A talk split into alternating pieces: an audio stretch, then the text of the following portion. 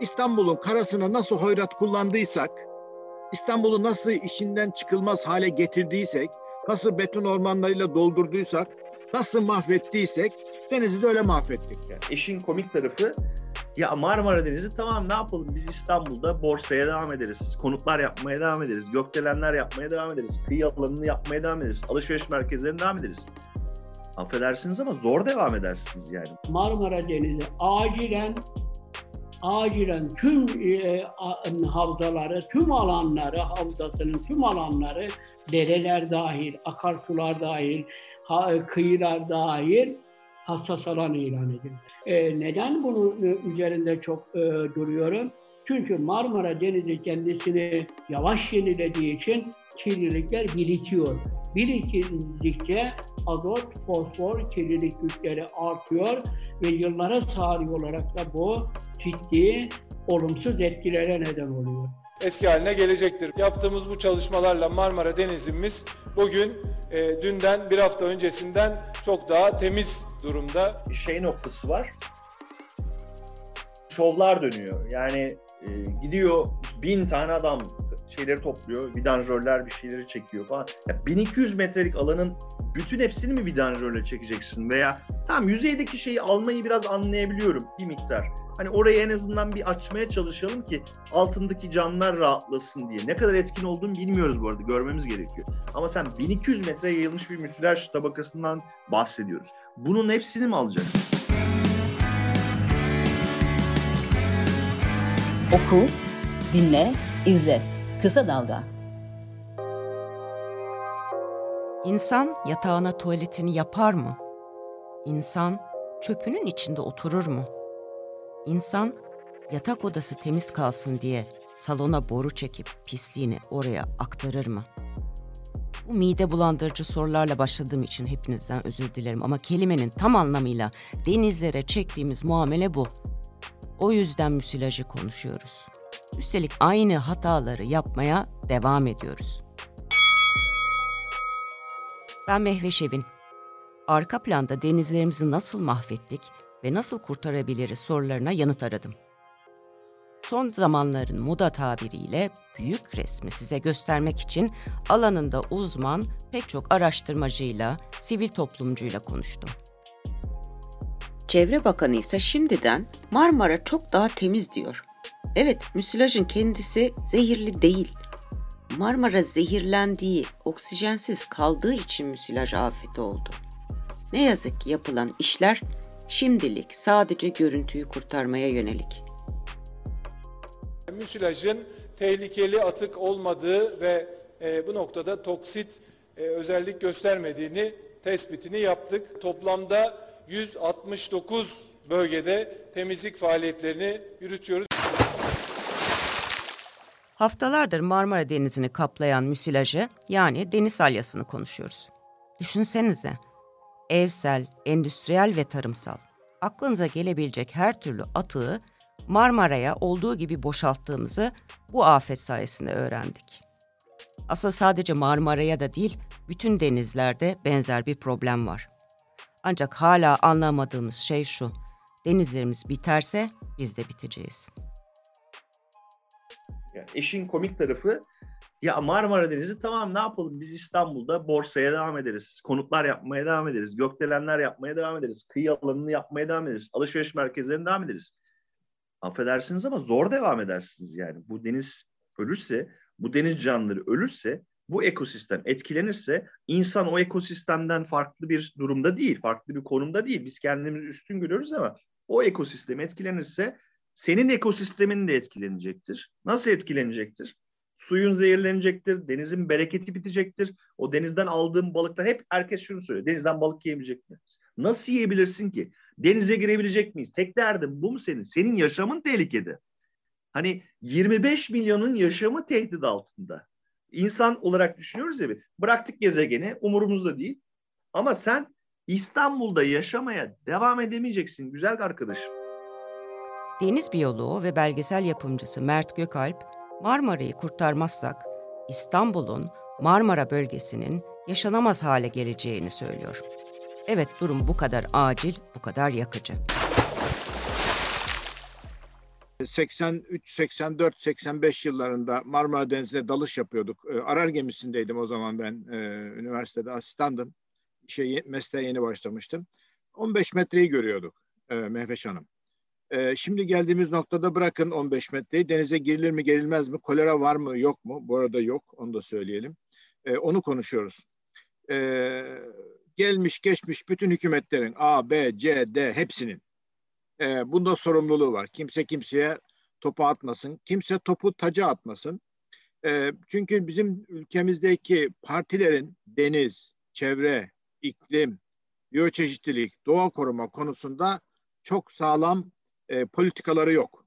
Bu bütün partiler için geçerlidir. E, burası bize ait değilmiş gibi düşünüyoruz. İstanbul'un karasına nasıl hoyrat kullandıysak, İstanbul'u nasıl işinden çıkılmaz hale getirdiysek, nasıl beton ormanlarıyla doldurduysak, nasıl mahvettiysek denizi de öyle mahvettik. Bu işin özeti bu. Ben size sabaha kadar fitoplankton, zooplankton, besin zinciri hepsini Benpos'u Marmara Denizi'nin diplerinde gezdim ben. Dalışlar yaptım 600'e, 700'e, 300'e, 200'e, 100'e. Her şey ortada artık.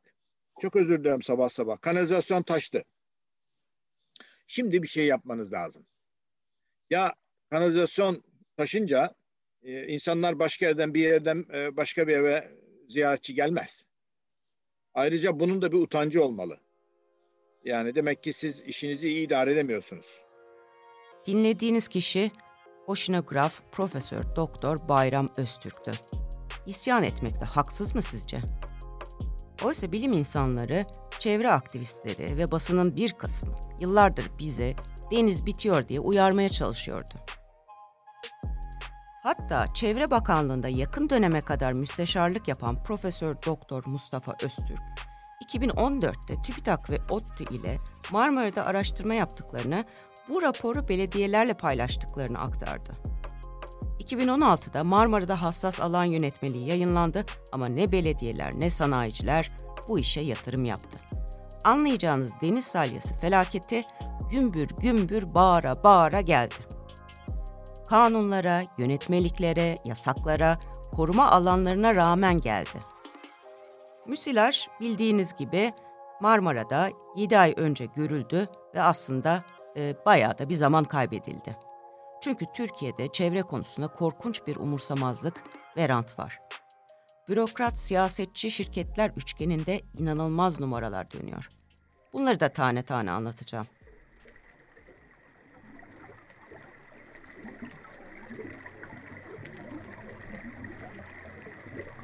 Şunu hatırlatarak başlayayım. Müsilaj, denizlerde oksijeni üreten mini minnacık bitkilerin yani fitoplanktonların aşırı üremesiyle oluşuyor.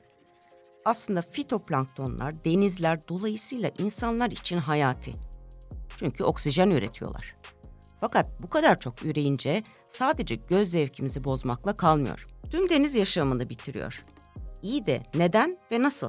O deniz salyası aşağı doğru çöktükçe hep bunun üzerine. Beni aşağısı daha fazla enteres ediyor. Deniz salyası polisakkarittir. Yüzde 96-98. Ne demek polisakkarit? Bildiğiniz şekerin bir başka versiyonu. Bildiğiniz hani evlerde, e, çaylarda vesairelerde kullanılan şeker var ya onun bir başka versiyonu bu. Tamam mı? Bu şeker dibe çöktükçe hızlı bir şekilde oksijen tüketiyor oksijen tüketti. Bulunduğu ortamda oksijeni tükettik. Yavaş, uzun sürede de tüketiyor. Çok miktarda şeker birikmiş çünkü üzerinde. O zaman ne yapıyor bu? O oksijeni tükettiği zaman hemen yanındaki yakın çevresinde bulunan e, canlılar, balıklar vesaire boğuluyor. Oksijensizlikten boğuluyor. Oksijensizlikten balıklar boğulduğu gibi balıklar boğularak ölüyor.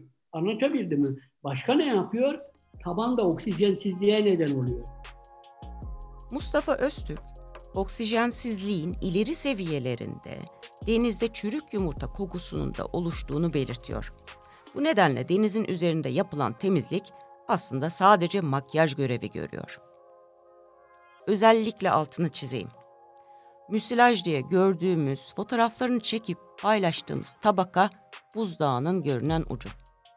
Evet, deniz yüzeyindeki görüntü can yakıcı ama canavarın büyüğü derinlerde göremediğimiz yerlerde.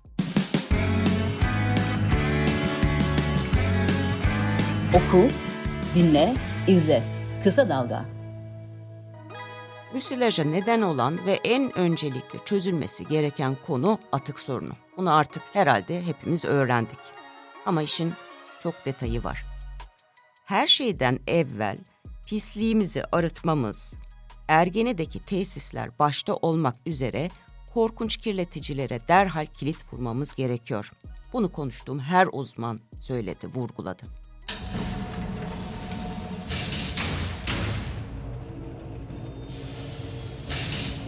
Ancak bu boyutta müsilaja yol açan faktörlerin tümünü ele almazsak neyle mücadele ettiğimizi de anlayamayız. Sayıyorum. Aşırı nüfus ve şehirleşme baskısı. Resmi rakamlara göre bildiğiniz gibi Marmara'da toplam 25 milyon nüfus söz konusu. İkincisi kirlilik. Atık arıtmanın hiç ya da çok az yapılması. Atık arıtma derken evsel, tarımsal, endüstriyel atıktan bahsediyorum. 3 termik santraller. 4. Habitat yani yaşam alanı kaybı. 5. Aşırı balıkçılık baskısı ve kaçak avlanma. 6. İklim değişikliğiyle deniz suyu sıcaklığının artışı. 7. Yabancı türlerin istilası. 8. Kıyıların betonla doldurulması hatta kum çalma vakaları. Aslında hepsi hem birbiriyle bağlantılı hem de birbirini tetikliyor. Çünkü ekosistem bir bütün. Mesela aşırı balıkçılık ve inşaat faaliyetleri denizde yaşam alanlarının kaybına yol açıyor. Aynı şekilde denizdeki yaşam alanı kaybı balıkların azalıp tükenmesine neden oluyor. Marmara Denizimizi bir seferberlik anlayışıyla tertemiz hale getirmek ve gelecek nesillere aktarmak hepimizin üzerine düşen bir vazifedir, bir borçtur. Bu anlamda el birliği yapmak, güç birliği yapmak zorundayız. Birlikte hareket etmek zorundayız. Ve bir an evvel karasal, tarımsal ve gemi kaynaklı ne kadar kirlilik türü varsa, ne kadar sebep varsa hepsini ortadan kaldırmak en önemli hedefimizdir. Çevre Bakanı Murat Kurum, yerel yönetimlerden bilim insanlarına bütün taraflarla yaptıkları toplantıdan sonra müsilajla ilgili acil eylem planını açıklamıştı. Planda atık sorununun bertaraf edilmesi, Marmara'nın 3 yılda koruma alanı ilan edilmesi gibi önemli maddeler var. Kime sorduysam plan kağıt üstünde çok iyi duruyor diyor. Ama asıl sorun nasıl uygulanacağı. Bilim insanlarının asıl endişesi burada. Bakan Bey'in açıklamaları, Çevre Bakanı'nın açıklamaları güzel. Ben de bakan olsam, siz de bakan olsanız ne söyleyeceksiniz? Dün baktım temizlik yapıyorlar. Bu da güzel. Ee, şey bir öncelik, bir önderlik yapmaya çalışıyor. Çok haklılar. Ama hatta ÖÇK bölgesi ilan etmiyor Marmara Denizi etmeye çalışıyorlar. Bu daha da güzel. Müthiş. Fakat önümüzdeki haftada bu çıkar e, Cumhurbaşkanı kararnamesiyle. Onda bir sorun olacağını zannetmiyorum. Fakat sorun bitmiyor. Yani arkadaşların bu, bu arıtma konusunda uzman bilgisine güveneceğim uzmanların söylediği şey şu. Beş sene içinde Marmara Denizi eski haline gelmezse bile yaşayabilir. Bunun için yapılması gereken yüzde kırk oranda azot ve fosfatın sistemden çekilmesi. Yani e, arıtmaların yüzde kırk oranında daha artırılması veya verilen suyun atık suyun arıtılmadan atık suyun ileri biyolojik arıtma yapılmadan yapılan atık suyun e, yüzde kırk oranda azaltılması. Nasıl anlarsanız öyle anlayabilirsiniz. Peki bunun için ne yapmamız lazım? Yatırım lazım. Yani paraya ihtiyacımız var. Çünkü bütün Marmara bölgesinin belediyeleri A, B, C hangi partiden olursa olsun e, bunların arıtma yatırımları eksik. İki, yapılan arıtmalar denetimi ve kontrolü eksik. Üç, e, bu arıtmalar e, eski ve yeni ileri biyolojik arıtma gerekiyor. Bunun için uzman yetişmemiz lazım. Muhtemelen çevre mühendisliği bölümlerimizde bunların uzmanları vardır. Yetişkin hocalarımız da var oralarda. Ama bunun için insan kaynağımızı mobilize etmemiz lazım. Daha da önemlisi e, bir e, siyasi irade gerekiyor. Ben bu siyasi iradeyi görüyorum. Ama Sayın Cumhurbaşkanım bence e, Marmara Denizi'nden sonra bir bakan ataması gerekir. Öyle düşünüyorum. Önerim budur. Marmara Denizi ile ilgili en az onun üzerinde bakanlığın ilişkisi var. bütün bu yetkilerin sadeleştirilmiş halde tek bir şeyden elden büyük bir kararlılıkla belediyesinden kaymakamına, en küçük muhtarından valisine kadar evet Marmara'yı koruyacağız, daha vaktimiz yok denecek, bunu hissedecek, e, bu havaya alacak, bu nefesi verecek insanlara ihtiyacımız var. Her şeye rağmen Profesör Doktor Bayram Öztürk umutlu. İstanbul Üniversitesi'nde ders veren hoca hafta sonları adalarda dalıyor. Bana söylediğine göre üzeri salya ile kaplı mercan ve süngerleri temizleyince kolay kolay geri gelmiyor. Ama şöyle düşünün. Tüm Marmara'nın dibini temizlemek teknik ve maddi olarak imkansız.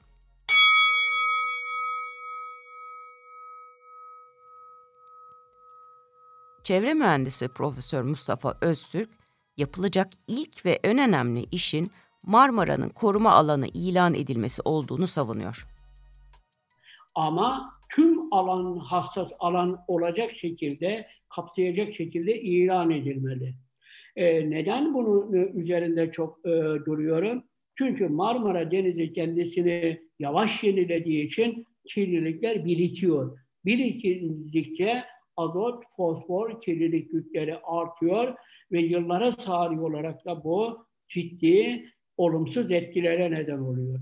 Birincisi ilk kademe yapılacak olay e, Marmara Denizi ile ilgili e, Marmara Denizi'nin tamamı Çanakkale dahil, Yalova dahil, diğer büyük şehirler dahil, atık sular dahil, evsel atık sular dahil, yani sanayi atık suları dahil hepsi ve hatta e, derelerinin, akarsularının gelen sularda dahil ileri kademe arıtılmalı.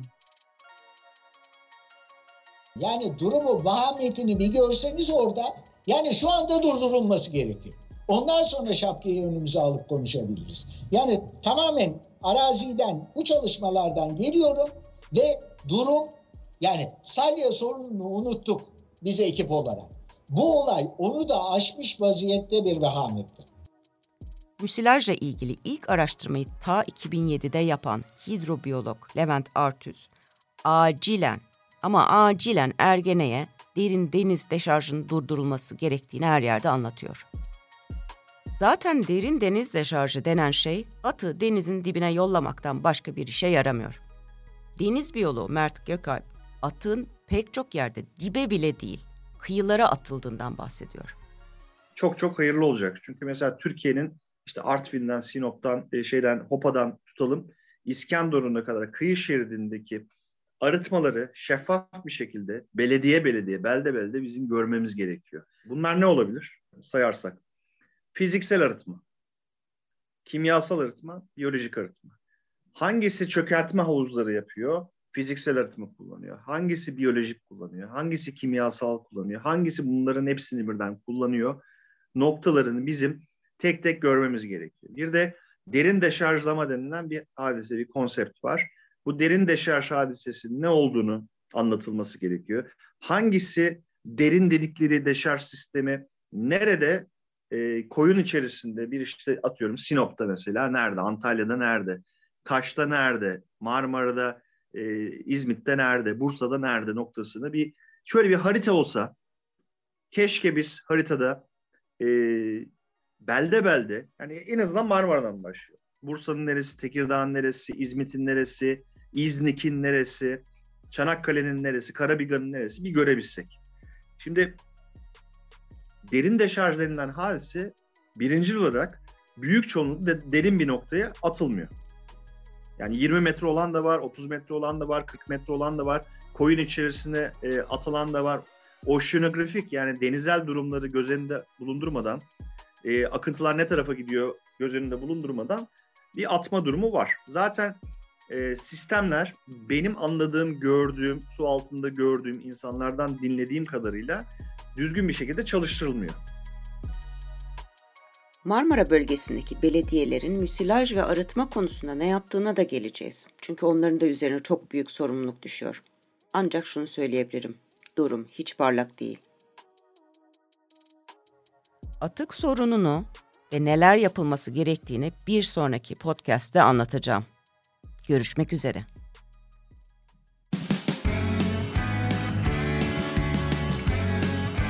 Oku, dinle, izle Kısa Dalga.